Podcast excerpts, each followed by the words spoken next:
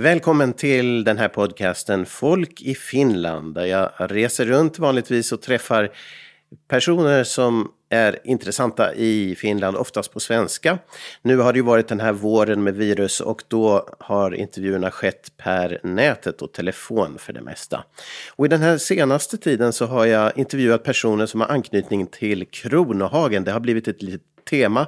Eh, Kronohagen i Helsingfors, den gamla stadsdelen i östra centrala delarna av city så att säga. Och eh, faktiskt idag så ska vi göra det igen och vi har äran att ha med oss en prisbelönt författare som har ett eh, långt förflutet här i Kronohagen. Eh, välkommen Susanne Rignell. Tack så mycket. Ring, hur uttalar man faktiskt ditt efternamn? Ringell. I Sverige brukar det bli Rignell av någon ja. anledning, men det är Ringell. Ringell, ja precis, för vi har ju de som heter Ringnell också. Som jag tror man blandar ihop. Ja, vi är de enda som heter Ringell, min pappa, min syster och jag. Ja, just det. Och Susanne, vem är du? Ja, det frågar man ju sig hela livet, men, men det där, jag är en barfota helsingforsare som, som först gick på universitet här och sen bytte till att börja med teater, så min grundutbildning är skådespelaren från teaterskolan. Och det höll jag på med i en tio år och sen bytte jag bransch så att säga och börja skriva istället så att eh, min längsta och starkaste identitet är nog författarens. Ja, precis. Och du har ju fått en rad fina priser senast faktiskt i Sverige, så vitt jag vet i alla fall, eh, nämligen Lubbe Nordström, eller Ludvig Nordström-priset. Oj, visste du om det? Det, ja. det gladde mig väldigt mycket att det kom från Sverige och själva prisutdelningen blev tyvärr uppskjuten på grund av den här coronan. Den skulle ske nu på våren ja. men nu får jag se fram emot att åka till Härnösand i, i höst och motta det. Ja, precis. Ja. Eh, ja, ja det blev, du blev utsedd redan kanske i slutet av förra året, men, men prisutdelningen skulle ha varit under våren. Ja, just det. Ja. Mm. Ja, men det här med Kronohagen, innan vi, vi går in på lite om, om skrivande och sånt och, och, vad du har gjort där sen, men det här med Kronohagen och eh, ditt, din koppling då, var, när började det och hur, ja, du, vad är det för någon koppling helt enkelt? No, det, den är ganska mångförgrenad. Dels ja. har min pappa som också är helsingforsare bott här mycket i sin barndom och gått i skola i huset bredvid mitt på Snellmansgatan ja. och eh, på Gengatan som ligger här i en liten kringelig krok som var min mammas första lägenhet när hon flyttade från landsorten till stan för att studera så var hon underhyresgäst mm. där. Så att uh, det är liksom inte bara jag utan också mina föräldrar och, och min farfar var gårdskarl. Det heter väl fastighetsskötare i, i Sverige tror jag. Mm, Men det. via honom så har min pappa bott på en massa olika både fina och väldigt centrala adresser här i Helsingfors fast han nog var ett, ett fattig barn så att säga men, men det gav honom tillträde till alla möjliga fina hus bland annat här i, i Kronohagen. Mm. Och för din egen del, när blev du Kronohagsbo då?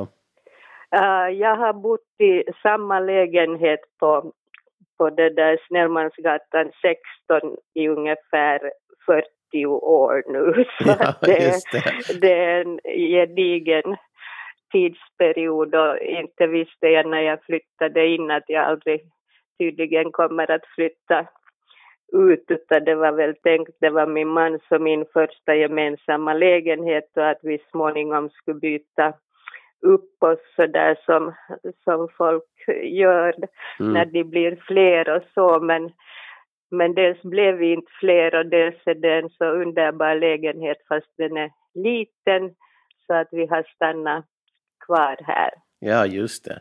Ja, jag har faktiskt varit i huset snett tvärs över där Kristin Saruka bodde. Um, en våning. Det är också grönt tror jag, det är tvärs över korsningen. Ja, det ser jag här.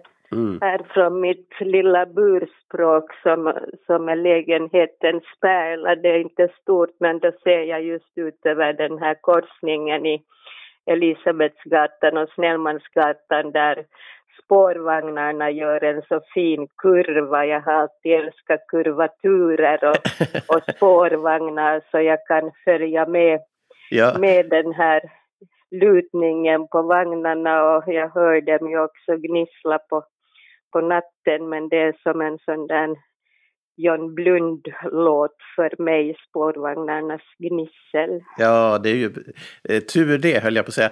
Men den där, eh, där runt hörnet där har du väl också varit, jag har själv fastnat med bilen, det är väldigt trångt där. Det blir ju på Elisabetsgatan väl? Eh, ja, där är en var... hållplats också. jag hör att du är väl påläst för att jag det där min, min egna vuxenerfarenhet i Kronohagen började med en felparkering just där på Elisabetsgatan. Jag skulle gå och hälsa på min morfar som låg på ögonsjukhuset och var en ny bilist och hade parkerat som jag tyckte mycket fint men när jag kom tillbaka så var hela bilen bortlyft långt åt sidan och jag tänkte att hur har jag kunnat parkera så där dåligt men då var det polisen som hade hade varit där för spårvagnarna kom helt enkelt inte fram. Nej, just det. Men jag blev så olycklig över det här skedde så poliserna var jättevänliga mot mig och sa att jag skulle ta en lugnande promenad innan jag körde vidare och önska mig lycka till. det var omtänksamt för trafiksäkerheten då kanske? ja. Men den här berättelsen som du nämner nu, den finns ju också med i din bok Guiden som handlar om Helsingfors och ganska mycket om Kronohagen. Um, eller hur? Där har du ju, det är en slags guidebok, ja. Guiden heter den Ja, ju. den, den heter Guiden på grund av att jag själv faktiskt har, har varit guide i min ungdom här i stan fast jag har glömt alla fakta. Men guiden är egentligen en, en reseberättelse, har, har jag kallat den, någonting mellan mm. en självbiografi och en reseberättelse, att jag närmar mig min hemstad genom olika skeden i mitt liv och olika kvarter och, och viktiga saker som har hänt här. Mm. Men det här med, för det blir ju det här, för dig då som författare så kan du ju fästa det på pränt för alltid på något vis.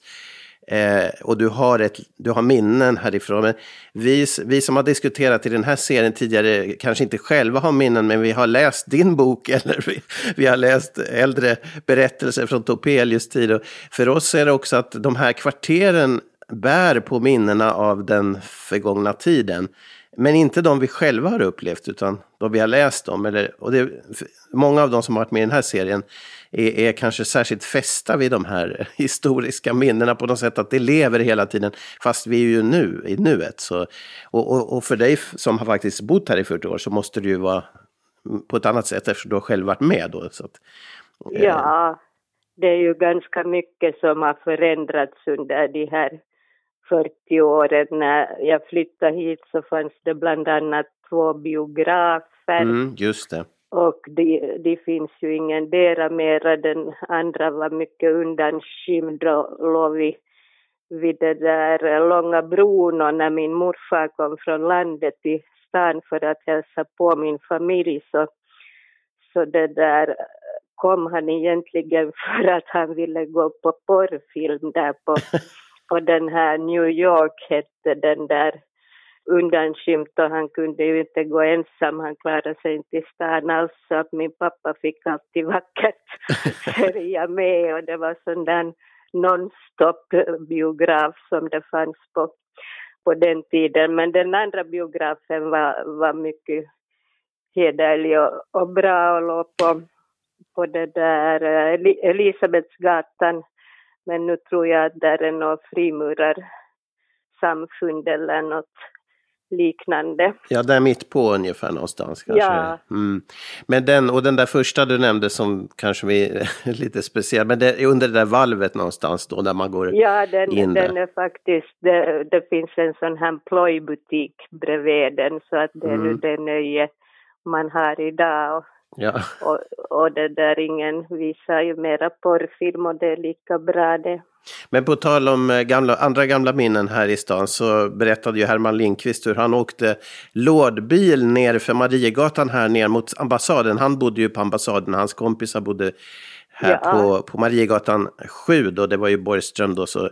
Men, men du har också någon berättelse om lådbilar i samma skvär eller samma hörn faktiskt. Ja, alltså min, min pappa fick på, på Åkedagen, han heter Åke, det är i maj, så fick han år 1934 en, en trampbil kallar vi den i min familj. Mm, ja, det Och det var hans första egna bil, han var då fem år gammal.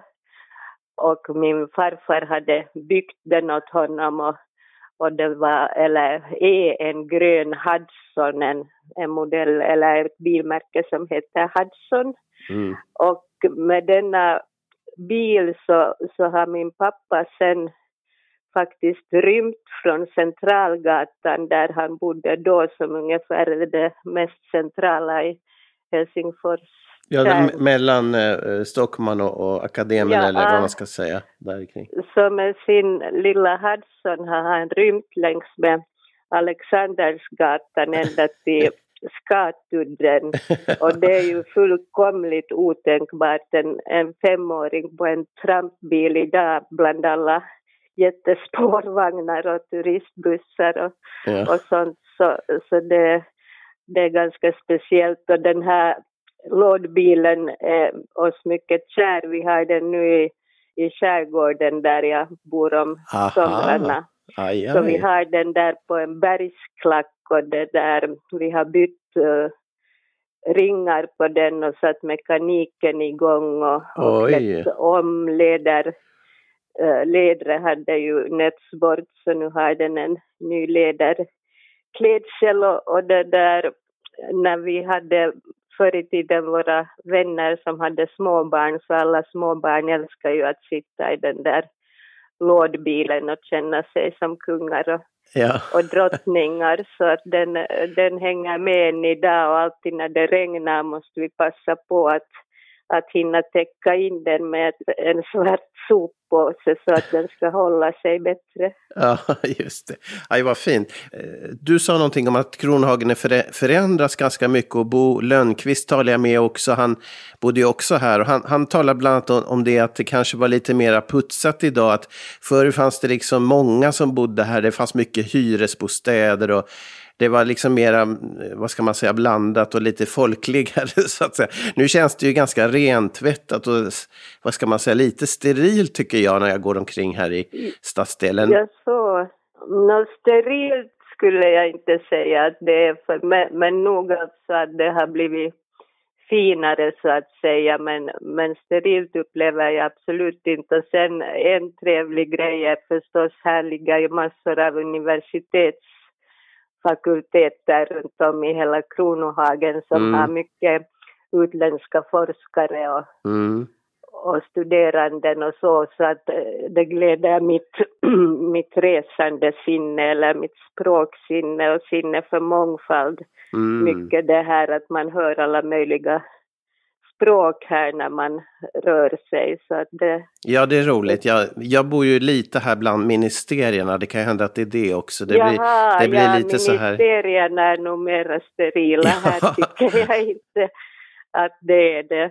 Men det där, det fanns allt möjligt trevligt som inte finns. Det fanns bland annat en sån här på Sköthusgatan en, en liten verkstad som Mhm. reparerar skrivmaskiner och annat Aj. tekniskt som man tyckte då att var tekniskt en skrivmaskin så jag hade min skrivmaskin där många gånger på reparation och, och det där de gick omkring i sådana här långa blåa för arbetsförkläden och, och var rätt ålderstigna men underbara i sitt arbete och de, sånt finns ju förstås inte mera. Låg det uh, åt ditt håll där på Sjötullsgatan eller var det nere här? Det låg uppe i, i backen nära den här ryska restaurangen. Ja, just det. Ja, det är bara något kvarter härifrån. Som idag är en asiatisk restaurang. Ja, just det. Ja, det har Den varit var rysk. rysk. Ja.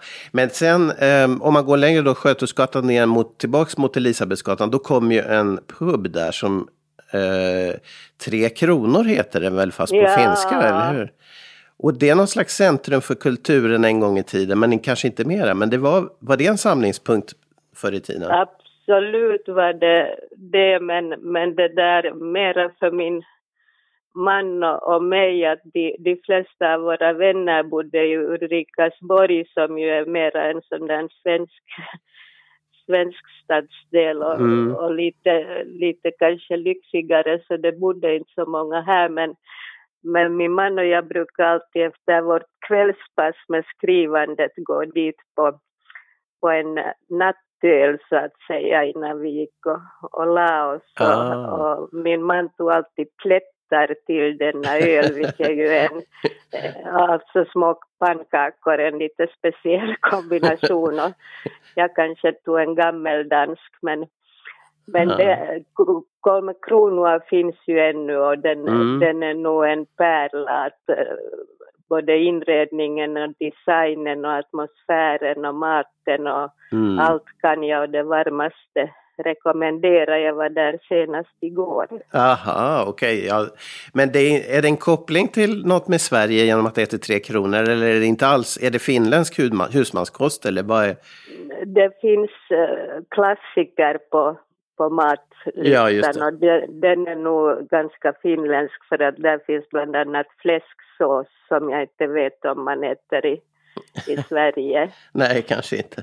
Ja. Men så finns det stekt strömming och köttbullar och Mm. en sån här wienerschnitzel som rymmer utanför tallrikskanterna så att det är en sån här husmanskostlista men idag har de ju också finesser som getostsallad och annat som, som dagens människor tycker bättre om. Men alltså tre kronor, kolme kronor, alltså det grundades då olympiaåret 1952. Ah, just det. Okej.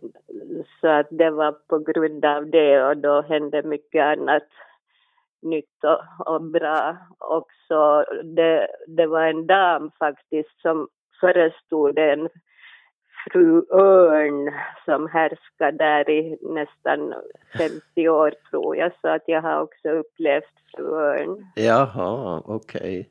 Aj, vad intressant. Ja, men där, där har vi Kolme Kronor, alltså det är ju en av Kronohagens, eh, vad ska man säga, eh, ja, de, de sevärdheter som finns, eller speciella grejer med den här stadsdelen. Ja, och det är en av de här riktigt klassiska restaurangerna. Jag skulle säga att det inte är många i Helsingfors mera. Det är Mm. Kolme Kronua och så är det Kosmos där i centrum Ja, och så är det Elite i Tölö. Det är ungefär det. ja, just det. Mm. Det här skrivandet för min publik som sitter i Sverige och känner kanske lite till dig och eh, andra finlandssvenska författare förstås också. Men det här med att skriva på svenska i Finland, det har du ju alltid gjort och det är inget konstigt för dig. Men är det någon, finns det någon förhållningssätt som är annorlunda när man skriver på svenska i Finland och har också en finsk miljö där man lever i? Eller är, är det någonting som man aldrig tänker på? Påverkar man inte alls av det? Eller?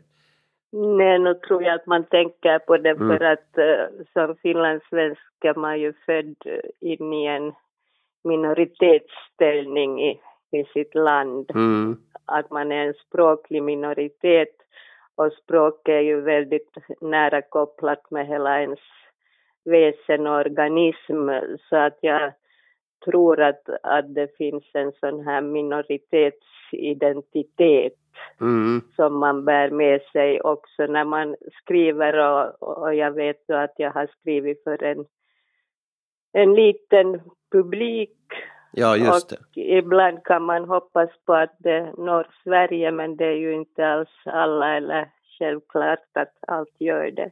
Men det är inte så att man, i det här med minoritets, som du säger, minoritetsutgångspunkten, det är inte så att man på något vis eh, drivs också av det att, be, att stärka svenska språket och den svenska berättelsen nödvändigtvis, alltså nästan en politisk eh, tanke kring det där. Eh, eller är det så att man har det någonstans som en drivkraft? Jag vet inte som en drivkraft men nog som en beståndsdel för mm. att kanske det finns ett större behov av att uh, helt enkelt uh, visa att man existerar. Ja. Att det är ja. existens, uh, en existensutgångspunkt. Mm. Och sen är det ju det att vi vårdar ju här i Finland nästan maniskt vår, förlåt, vår svenska att vi är inte alls lika benägna att anamma alla nya ord och alla anglicismer som, som ni i Sverige är så att vi har kanske ett lite mer gammalmodigt språk. Eh, hur står, hur står du i det, filosofin kring det själv? Jag står väl nog ganska sådär gammalmodigt för att jag tycker inte om att ord faller i glömska utanför människors liksom mm. att människor kan höra ord som nu kommer jag nu på högmod till exempel, ja, men det är ju ja. inget populärt begrepp idag överhuvudtaget högmod så att mm. ordet används inte heller men, men det är massa sådana som, det är inga konstiga ord men jag, jag försöker väl hålla ett någorlunda rikt språk, men det försöker säkert alla författare. Ja, det, det är ju eh, en speciell grej dock i det här sammanhanget. Men eh, en annan sak som du, du berättade ju att du också, liksom jag och flera av dem jag intervjuat har en bakgrund i teaterskolan och teaterscenen, jobbat där. Eh, när du sen då har gått över till författande, eh, har du märkt att du har haft eh, vissa förmågor eller, eller vad ska man säga, eh, hjälp av din eh, vad heter det, karriär inom, som skådespelare och på scenen på något vis? Ja, jag vet inte av min karriär kanske, men, men i alla fall av min utbildning nog, mm. för att det var ju fyra års träning i i känslighet och sensibilitet ja, jag tänker på och det, förmåga att gestalta. Och, mm. och, och det var ju också mycket med, med språk, men det var också att kunna sätta sig in i, i andra människors belägenhet. Ja, just det. Mm. Och öva upp ett, ett sinne för att förflytta sitt inre så att säga också till till andra än sig själv. Nu har jag väl mest ägnat mig faktiskt åt att ta avstamp i, i min egen verklighet och eh, den är ganska vid och bred också ja. vem jag är så att jag har ibland kallat mig själv för en paraplyorganisation för mig själv för okay. att jag tycker att det finns olika toner och röster. Men och det, sen ja. använder jag ju också den här teatererfarenheten. Säkert är det mycket det som har gjort att jag har skrivit också ett antal pjäser för scen och mm. rätt många hörspel för radioteatern. Ja, det har varit lätt, lättillgängligt då menar du också utifrån att du är, känner teatern? Ja, för att jag, jag visste vad man kan göra på scenen helt enkelt. Mm. Att det är möjligt att att gestalta också svåra saker så att det gav mm. mig en tilltro att, att skådespelare och regissör kan och ljus och ljud och allt det här kan åstadkomma underverk ibland.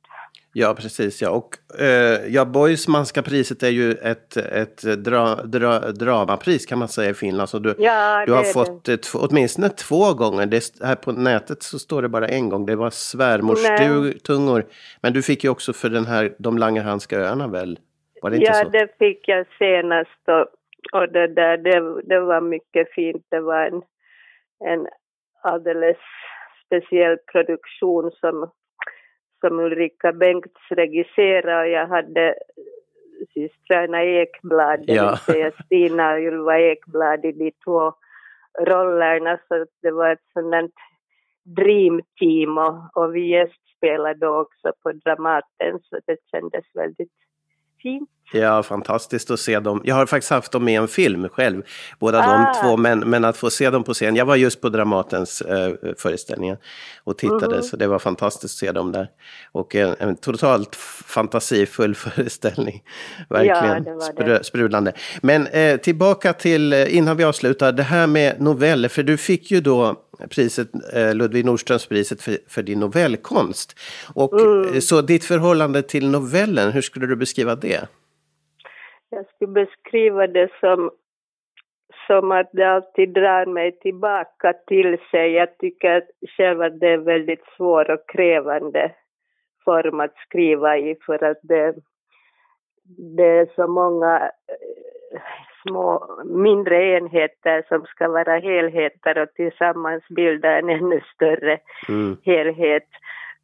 Så att jag debuterade faktiskt med en novellsamling just 1993 och eh, sen har jag väl skrivit en eh, fyra riktiga som jag kallar inte kortprosa utan novellsamlingar. Mm.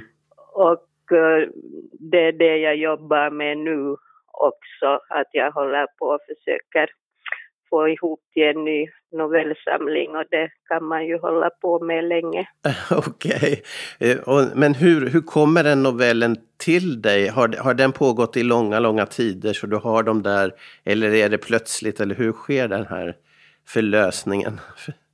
Ja, hela tiden är det ju inte förlösande men, Mm. men om man sätter sig ner och, och liksom inriktar sig på att försöka vara öppen inför sin tanke och Ja. sitt hjärta som hänger ihop så i bästa fall brukar det hända någonting och sen har jag inför alla mina novellsamlingar har jag liksom för mig själv haft något tema som kanske inte alltid explicit sen syns men någonting Mm. som gör att jag vet att de hör ihop att den här första handlar om, om ensamhet och den andra om mörker och den Mm. tredje om eh, vatten och den fjärde om öar.